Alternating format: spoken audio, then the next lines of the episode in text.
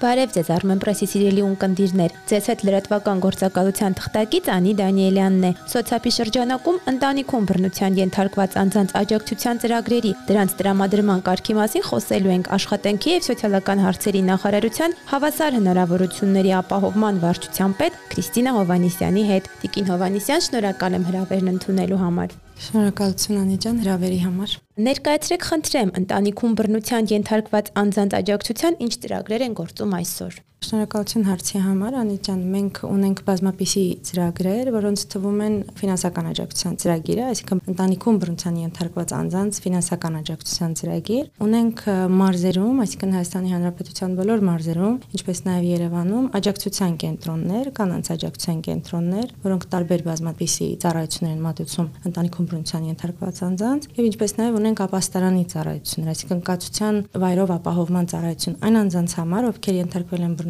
ընտանիքում եւ կարիք ունեն առանձին կացարանի եւ ապաստարանի։ Ինչպես եւ որտեղ անձը պետք է դիմի աջակցություն ստանալու համար։ Կոնկրետ ֆինանսական աջակցության։ Այն վերանշված ծրագրերից մեկը, ինչպես նշեցի, դա ֆինանսական աջակցության ծրագիրն է։ Ընդհանուր առմամբ աջակցությունը սկսվում է 50000 դրամից, 100000 եւ 150000 եւ սա կախված է ընտանիքի կամ բռնության ենթարկված անձի կարիքից, թե իր խնամքի տակ ունի երեխաներ, թե չունի, ունի ծնողներ, թե չունի եւ առասարակ ինչ կարիքների համար է ինքը այդ աջակցության համար դիմում։ Կարող է անձը ինքը անձնապես դիմել, դիմում ներկայացնելով աշխատանքի եւ սոցիալական հարցերի նախարարություն, ինչպես էլեկտրոնային դիմում, այնպես էլ անձամբ կարող է ուղարկել, նաեւ փոստով կարող է ուղարկել։ Ճանապարհները տարբեր են եւ բոլորն էլ հասանելի են եւ նաեւ ինչպես արդեն նշեցի, մենք մարզերում եւ Երևանում ունենք կանանց աջակցման կենտրոններ, որոնց միջոցով եւս անձը կարող է դիմել ֆինանսական աջակցության համար։ Այսինքն այն անձիկ, ովքեր որ արդեն կանանց աջակցման կենտրոնի շահառուներ են, ինչ որ մի ծառայության կամ բոլոր ծառայությունները, իրենք նաև կարող են դիմել ֆինանսական աջակցության տրամադրման համար, նաև աջակցության կենտրոնների միջոցով։ Այստեղ գործընթացը բացարձակ բարդ չէ, ուղղակի կա հարցաթերթ կարիքների գնահատման, որը որ կինը կամ ընտանիք բռնության ենթարկված անձը պետք է լրացնի, նշելով իր, ինչպես նշեցի, խնամքի տակ եղած անձանց թիվը, չափահաս են, անչափահաս են, ինչ որ առանձնահատուկ կարիքներ ունեն թե ոչ, այս տեղեկատվությունը ստանալուց հետո արդեն որոշակի գործընթացներից հետո ուսումնասիրելուց հետո հաստատվում է ֆինանսական չափը եւ ֆինանսավորումը եւ կարող է իհարկե չհաստատվել, եթե չհամապատասխանեն պայմաններին։ Նշեք, հա խնդրեմ առանձին առանձին օրինակ 50 հազար աջակցություն ում է դրամադրվում 100, 150, ասենք եթե երեխա ունի անձը բռնության ենթարկված, որքան գումար է։ Տեսեք, քանի որ այս գումարը ինքնանպատակ չէ, այսինքն տրվում է որոշակի կարիքը հոգալու համար։ Եթե անհրաժեշտ է առողջապահական որոշակի ծառայություններից օգտվելու համար, եթե անհրաժեշտ է կացարան վարձելու համար, որտեղ անձը գտնվում է դժվարին իրավիճակում, ընտանիքում բռնության ենթարկված անձ է եւ մի կողմից իր խնամքին ունի երեխաներ, մյուս կողմից այլևս չի կարող այդ տանը բնակվել եւ այլն խնդիրները տարբեր են կախված իրավիճակից եւ խնդրի ծանրությունից ելնելով որոշվում է այդ ֆինանսական աջակցության տրամադրումը։ Եթե բնականաբար երեխաներ կան 1, 2 եւ ավել, կան մեծահասակ ծնողներ, այստեղ ֆինանսական աջակցության թիվը մեծանում է բնականաբար։ Մինչև 150 հազար դրամ։ Իսկ ինչ որ կերպ ստուգվում է ձեր կողմից, հա, միջև աջակցության տրամադրումը արդյոք այդ քաղաքացին իրոք ենթարկվել է բռնության կամ ինչ ասել է բռնություն, ինչ տեսակի բռնության մասին է խոսքը։ Շատ լավ հարց տվեցիք Անի ջան, որտեղ շատ հաճախ բռնությունը եւ ընտանեկան բռնություն հասկացություններն են խառնվում։ Մենք բռնություն ասվածի հետ ընդհանրապես կապ չունենք, եթե բռնությունը չի վերաբերում ընտանեկան բռնության, այսինքն ընտանեկան բռնության ենթարկում է անձը, ով որ բռնության է ենթարկվում ընտանիքի անդամի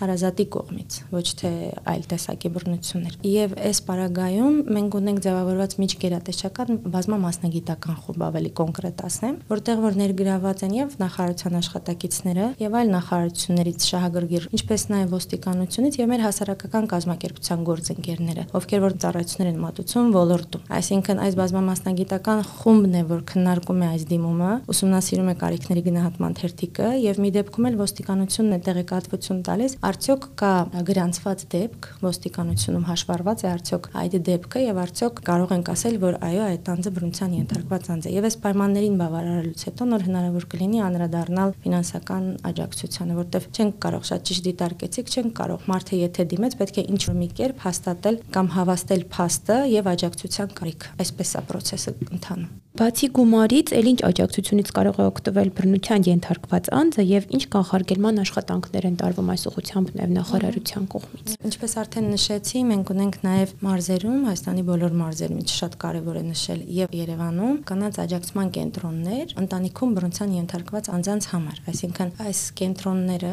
խորհրդատվություն են տրամադրում ինչպես հեռախոսով, այնպես էլ անձամբ, եթե անձը ցանկություն ունի այցելելու եւ հասկանալու թե ինչ աջակցությունների կարիք կա կամ ընդհանրապես ինքը ինչից կարող է օգտվել իր իրավունքների մասին իրազեկվելու, բոլոր մարզերում եւ Երևանում ունենք նման կենտրոններ։ Հեռախոսով էլ թեժ գծի հեռախոսահամարով էլ կարող է տեղեկանալ, սկսած խորհրդատվությունից մինչև օգնության կանչ, այսպես ասած։ Խորհրդատվությունները իրենց մեջ ներառում են իրավական, իրավաբանական, երբեմն նաև փաստաբանական ծառայություններ, հոգեբանական ծառայություն միանշանակ խորհրդատվություն եւ եթե պետք է արդեն աշխատանք, հոգեբանական եւ սոցիալական աշխատողի խորհրդատվություն եւ հետո արդեն իհարկե կարիքները գնահատելուց հետո հասկանալ թե ինչ այլ ինչ աջակցության կարիք ունի այդ մարդը, սկսած մոտիվացիայից մինչև կրթություն եւ զբաղվածության ծրագրեր եւ ուղղություններ եւ տարական իր իրավունքների մասին իրազեկում։ Այսինքն այս ամբողջ հարցերով զբաղվում է նախարարության կողմից դրամաշնորհների միջոցով ծառայություններ մատուցող հասարակական կազմակերպությունները։ Այ ունեք վիճակագրություն թե այս տարվա ընթացքում քանի մարդ է օգտվել աջակցությունից եւ նաեւ եթե հնարավոր է նշեք տարիք, սեր։ Ունեմ վիճակագրություն վստահաբար 2022 թվականի առաջին երամսյակի ընթացքում ընտանիքում բռնության ենթարկված անձանց աջակցության կենտրոններում ծառայություններ է տրամադրվել 400 ընտանիքում բռնության ենթարկված անձի, այսինքն 400 ընտանիքում բռնության ենթարկված անձ ստացել է ծառայություն։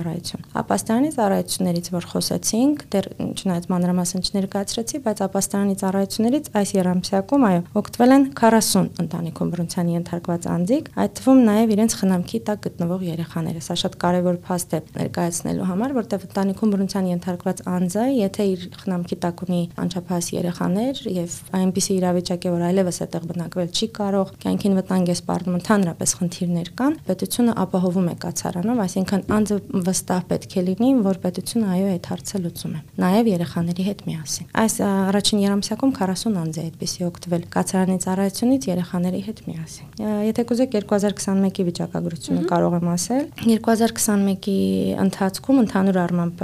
աջակցության կենտրոնների ծառայություններից օգտվել են 1515 ընտանիքում բռնության ենթարկված անձիկ, ապաստարանի ծառայություններ են տրամադրվել 160 ընտանիքում բռնության ենթարկված անձի, գումարած իրենց խնամքի տակ գտնվող երեխաները, որոնք այս թվի մեջ չեն մտնում, եւ ֆինանսական աջակցություն է տրամադրվել 77 ընտանիքում բռնության ենթարկված անձի։ Իսկ այս տարի առաջին երամսյակի ընթացքում արդեն 20 անձ ստացել են նման աջակցություն։ Այսինքն եւ իրազեկվածության մակարդակն է բարձրացել եւ մարդիկ արդեն գիտեն ում դիմել եւ ինչպես, որտեղ ֆինանսական աջակցության վերաբերյալ ծրագիրը 2020 թվականից է ներդրվել, 21-ին արդեն ունենք 77 անձ, իսկ առաջին երամսյակում հիմա արդեն ունենք 20 անձ, նշանակում է մարդիկ տեղեկացված են, գիտեն եւ ցանկանում են պետության աջակցությունից օգտվել։ Եվ այս աջակցության կենտրոնների գործառույթներից բացի որ խորհրդատվություն է տրամադրում ընտանիքում բռնության ենթարկված անձին ուղղորդումներ եւ ակտիվացնելու ճանապարհով է գնում, նաեւ կանխարգելման շատ ծրագրեր են անում, այսինքն իրազեկվածությունն են ապահովում, տեղեկացնում են ընդհանուր առմամբ իրենց ընտանիքում բռնության ենթարկված անձանց իրավունքների մասին, արտոնությունների մասին եւ առհասարակ ինչպես անել, որ կարողանաս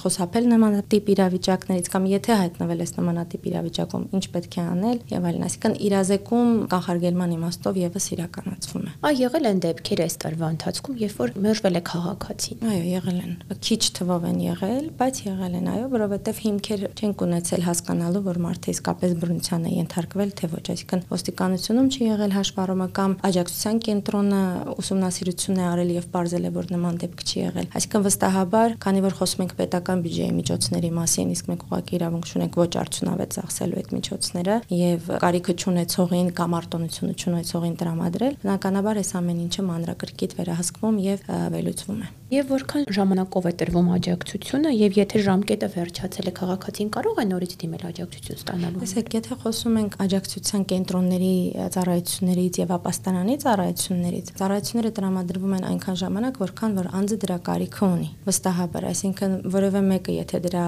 կարիքը դեռևս ունի, բայց ինչ որ ժամկետ, ինչ որ միտեղ լրացել է, նման խնդիր չկա, որ մարդուն ասում են, այդպես, տեսեք, մեր օրենքով ասում է, որ պետությունը պարտավորվում է մինչև 1 տարի կացարանով ապահովելու այս ծառայությունը տրամադրել։ Սա մաքսիմալն է, որ օրենքը ասում է, բայց կարիքը վերագնահատվում եւ գնահատվում է անընդմեջ, երամսյակը մեծ, նայած թե սոցիալական աշխատողը կամ ոլորտային բազմամասնագիտական թիմը ինչ նպատակներ է դրել, ինչ ժամանակահատվածի համար գնահատելուց եւ վերագնահատելուց հետո եթե դեռևս կարիքը մնում է որևէ աջակցության տեսակի, աջակցությունը վստահաբար շարունակվում է, որովհետեւ աջակցությունը պիտի բերի կայունացման։ Եթե եթե դեռևս չի վերել կայունացման, ուրեմն դեռևս անելիք կա։ Սրա մասին էր։ Եթե հավելելու որևէ բան չունեք, շնորհակալ եմ հաճելի զրույցի համար։ Ես էլ եմ շնորհակալ հրավերի համար։ Կարծում եմ, որ իսկապես կարևոր է, որ մարդիկ տեղեկացված լինեն եւ ծրագրերից եւ ծառայություններից, որտեղ շատ հաճախ ընտանիքում բռնության ենթարկված անձը կարծում է, թե ինքը անելանելի վիճակում է եւ գնալու տեղ չունի, հատկապես երբ որ իր ընտանիքը իրեն չի աջակցում, ինչ-ինչ օբյեկտիվ եւ սուբյեկտիվ պատճառներից ելնելով ցավոք սրտի։ Եվ հատկապես եթե ընտանիքում կան երեխաներ, ընտանիքում բռնության ենթարկված անձի համար ավելի դժվար է որոշում կայացնելը։ Դրա համար խրախուսում եմ եւ առաջարկում եմ օգտվել պետության կողմից տրամադրված ծառայություններից, որոնք ուղղված են մարդուն, այսպես ասած, արժանապատիվ կյանքով ապահովելուն, որտեղ բոլորս էլ բռնությունից զերծ մնալու իրավունք ունենք, ինչպես կանայք, այնպես էլ տղամարդիկ եւ երեխաները նույնպես։ Շնորհակալություն։